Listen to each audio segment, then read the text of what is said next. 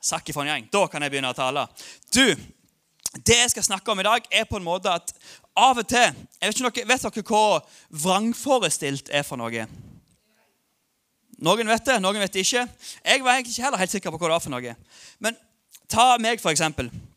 Noen vil si at jeg ikke er en dårlig taper. Og det er en superstor vrangforestilling av meg. For hvis det er noe jeg er, så er det dårlig taper.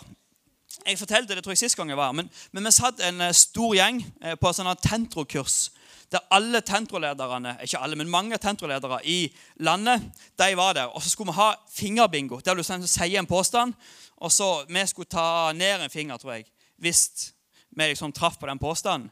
Eh, og så hadde jeg én finger igjen. Jeg så det var flere som hadde det. Og så sa de hvis du er eldst i søskenflokken, så ta ned en finger. Eh, og egentlig så er jeg det. Men så har jeg en halvbror som er eldre enn meg. Eh, og det visste jo Maria, men ingen andre visste det. Altså, men Maria hun sier jo ingenting på dette, for det er jo flaut å liksom ta det opp med alle lederne. og sånn stor forsamling og sånn. Så hun sier liksom ingenting. Så jeg bare ja, jeg er eldst, tok ned fingeren og galler opp til bingo. Og tenkte at yes, nå vant jeg. Men vet du hva hun gjør? jeg trodde, trodde, du reiste deg opp og sa du er jo ikke eldst i søskenflokken. Foran, altså Alle der trodde jeg satt der og så løy for jeg gjorde jo egentlig det, for å vinne. Men det er bare så dårlig taper jeg er. Så Derfor, når folk sier at Sondre, du er ikke en dårlig taper, så er det en vrangforestilling. Eh, problemet Eller ikke problemet, for jeg syns egentlig det er sykt digg med sånn som vi lever i dag. Er det noen her som ser på Netflix? Det tror jeg det er de aller fleste. Vet du hva det jeg syns er det aller beste med Netflix? Det er, liksom, det er så nydelig. Vet du hva det er? Det er når episoden er ferdig, og det begynner en ny en. Så på Sumo og sånn, da må du liksom vente 30 sekunder sånn, før du liksom går på neste episode. På Netflix så kommer det opp sånn lite firkantet hjørne. Du kan trykke på neste episode. og hvis, ikke, hvis, du er så lat at du ikke gidder å ta fjernkontrollen, så kan du bare ligge og så går det liksom maks fem sekunder, og så begynner det. Og På den serien vi ser nå, så er det på en måte en liten sånn en uh, intro med det forklarer liksom litt hva skjer i siste episode, og så kommer det den der musikkvideointroen som er dritkjedelig. Iallfall når du skal se fem episoder på rad. Men der òg er Netflix Helt fantastisk. For Der kommer den firkanten opp igjen. Så er det bare ett klikk på fjernkontrollen, så er hele den driten forbi. Og så er det bare serie, serie, serie. Neste episode, serie, serie, serie. Neste, du folder på sånn hele tida. Og det syns jeg er sjukt digg. Men sånn er det med alt. Hvis vi skal bestille pizza på pizzabakeren, så er det liksom et tasteklikk, bestiller du det du skal ha, og så går det en halvtime, eller sånt, og så plutselig står eh, en som Martin på døra og leverer deg pizza. Det er helt nydelig. Eh, men vi lever på en måte i en litt sånn annen verden der vi bare bestiller noe, og så får vi det. Eh, der vi bare trykker, og så skjer det med en gang.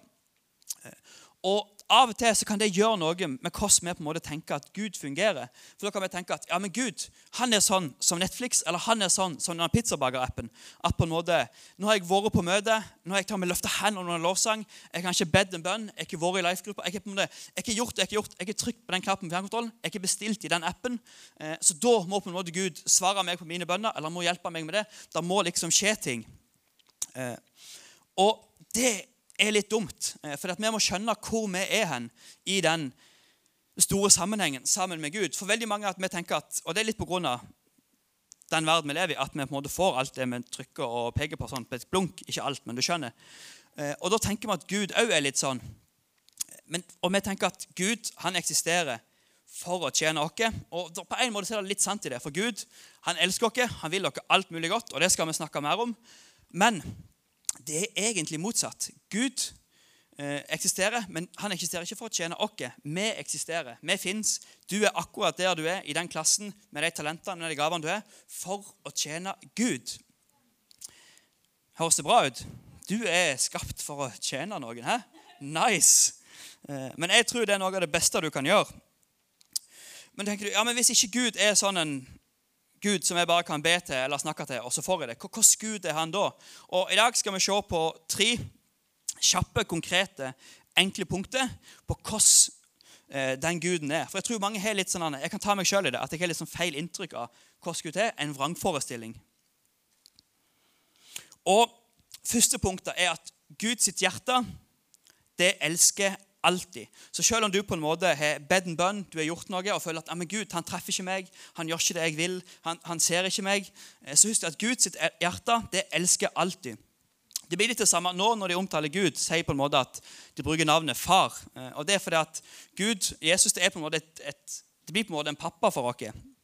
Og jeg regner med at de aller fleste her eh, vet hvor en pappa er.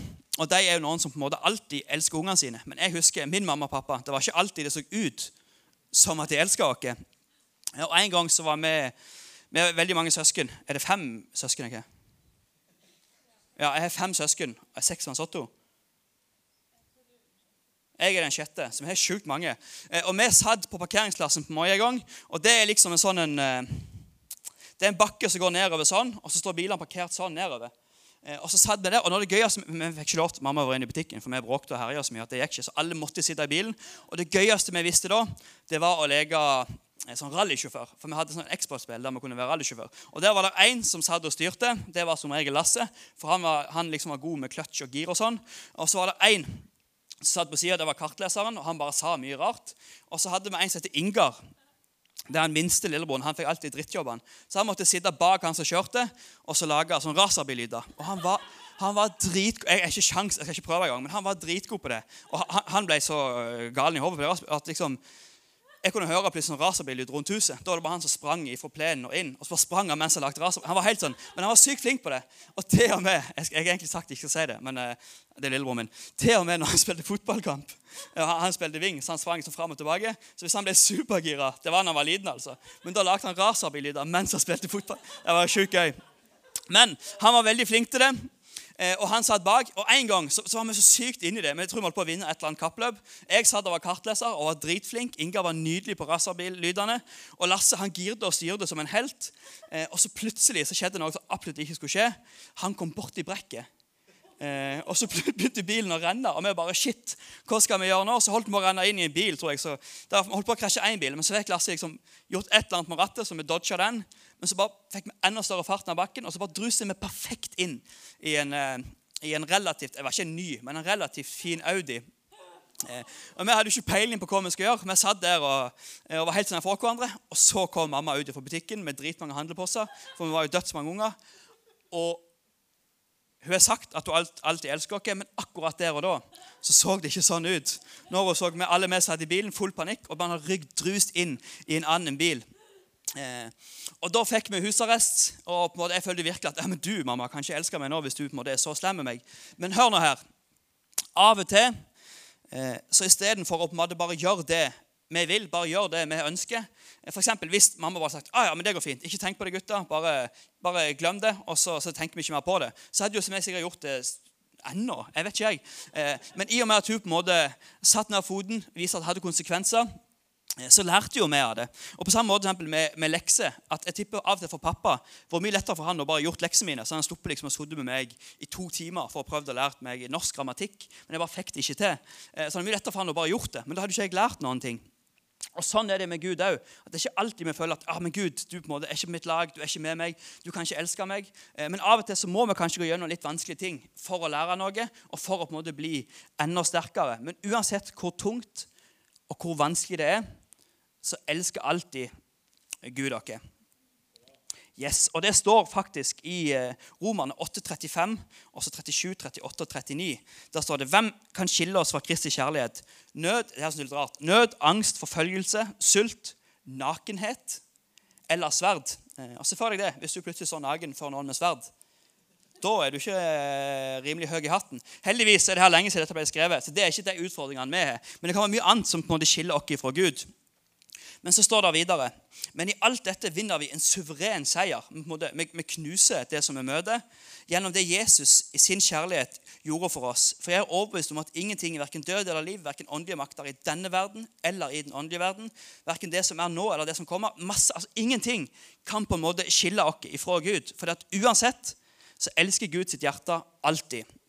Det er det første Gud er. Det andre er at Guds veier alltid er høyere. Og Dette kan være litt vanskelig og litt vondt for noen.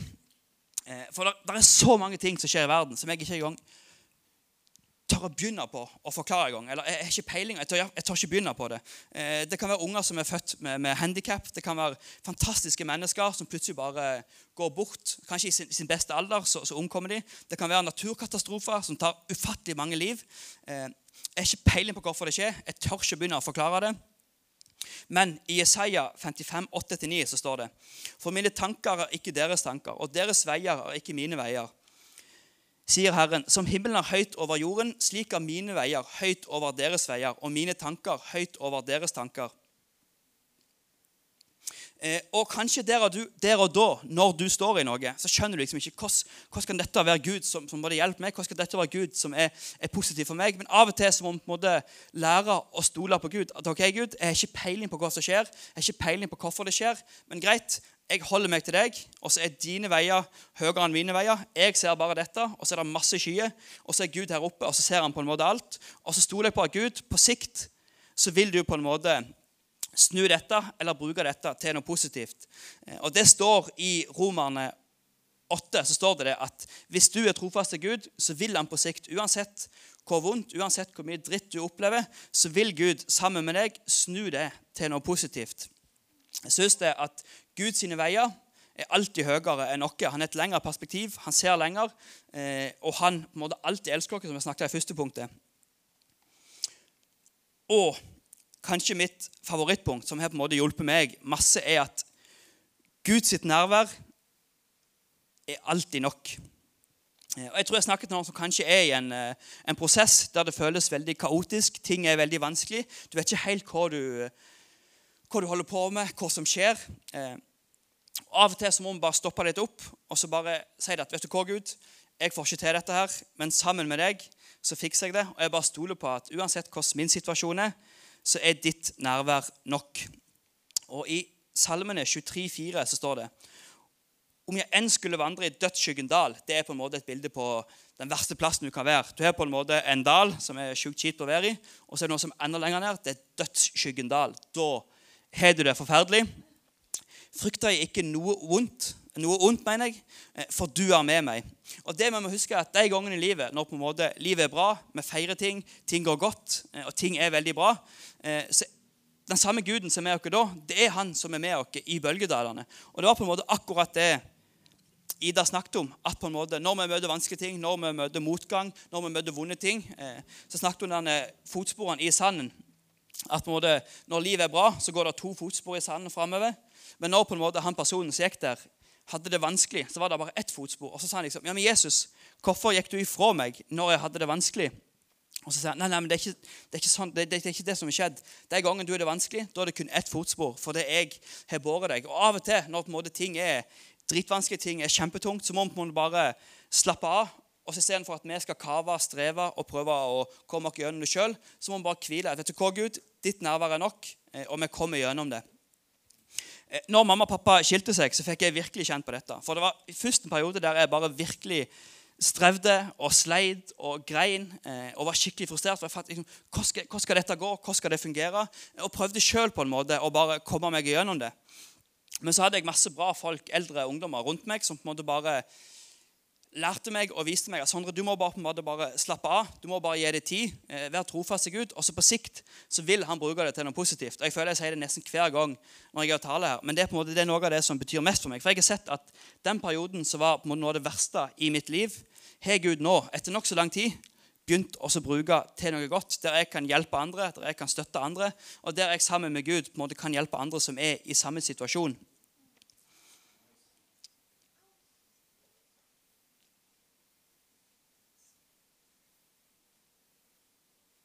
Så over tid, uansett hva som skjer, som jeg stad, så vil Gud jobbe det til noe godt hvis du lar han gjøre det. Eh, så hvis du sitter og tenker at ja, jeg har ikke, sånn, prøvd det der med Gud eh, og Jeg føler litt akkurat som du sier at jeg har ikke gjort ting, jeg har ikke bedt om ting, jeg har ikke vært på life-gruppa. Eh, men det skjedde på en måte ikke. Så det er ikke det fordi at Gud har svikta deg eller Gud har feila deg, men det er bare for at den Guden du har prøvd, han fins ikke. Eh, for den guden som fins, det er på en måte ikke han guden som bare gjør noe på et knips for å på en måte please deg. Eh, og vi på en måte er ikke trofaste for Gud av at han gjør ting for oss, men vi er trofaste for Gud av det Jesus gjorde for oss. Eh, og det tror jeg er viktig at vi skjønner. Og Gud han er en som har skapt hele universet.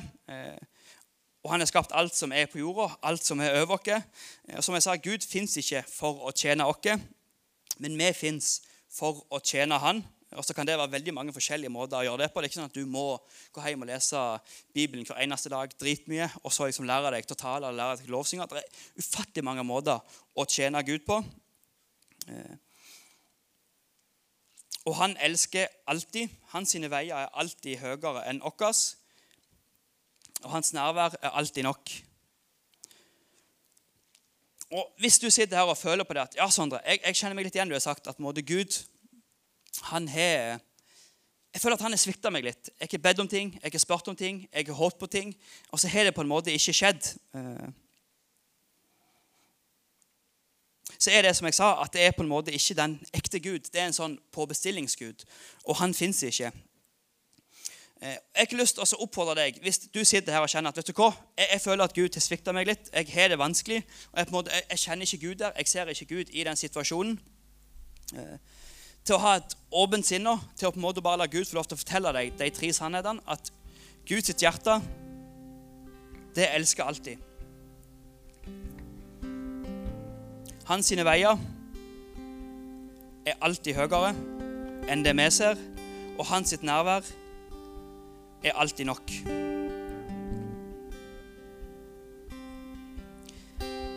Jesus, jeg takker deg for din godhet og for ditt nærvær.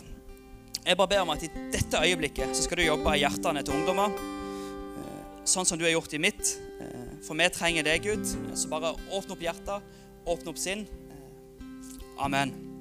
Jeg har lyst til at folk bare skal, skal gå mot en avslutning av hvert øyeblikk. Men folk bare skal ta og bøye øynene. Hvis dere klarer det. Men iallfall bøye hodene og lukke øynene.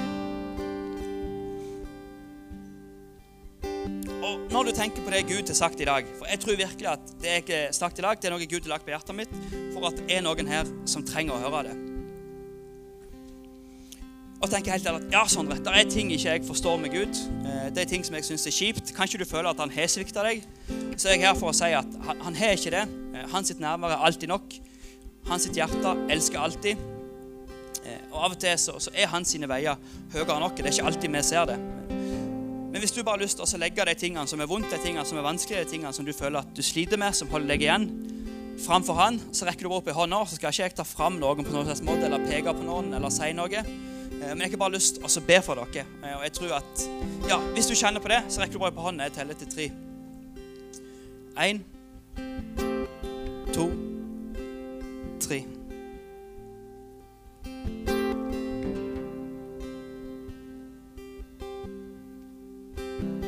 Yes, flere hender. Kan bare ta dem ned, og så holder hun bare hodet ned og øynene igjen. Så jeg bare har lyst til å be for deg. Yes, far, jeg ber deg for deg som, som har det vondt, de som er forvirra, eller har noe i sitt liv som, de ikke vil ha. Gud, vi trenger deg. Gi oss nåde til å forstå at dine veier er høyere. Gi oss tro til å stole på at du hører våre bønner, og at du ofte svarer og gjør mirakler. Og Jeg ber om forståelse, som jeg skjønner at de miraklene av og til er over vår forståelse. Det er ikke alltid det er sånn som, som vi tenker eller vi ser for oss. Men Gud, vi spør og ber om mirakler. Vi ber for, for venner og venninner som vi mista. Vi ber for, for kjærester eller drama der vi krangler. Eh, vi ber for, for problemer i, i, familien. Eh, vi ber for ungdommer, ungdommer som sliter psykisk, ungdommer som har, har vondt i kroppen, fysisk vondt. Vi ber om helbredelse for det. Og når du, Gud, hører våre bønner og svarer og gjør som vi vil, så vil vi prise deg, Gud, og vi vil lovsynge deg. Og Gud, fordi vi elsker deg og har valgt å følge deg og stole på deg, så selv om ikke ting alltid blir sånn som vi vil, eller vi ser for oss, så vil vi elske deg, og vi vil lovsynge deg, og vi vil prise deg. For du er alltid god, Gud. Så du bare ser de som rakk opp hånda nå. Jeg bare legger dem framfor deg, Gud. Bare la de hvile i deg, og bare la de slappe av i deg, og bare la du sammen med deg føre deg gjennom det. Amen.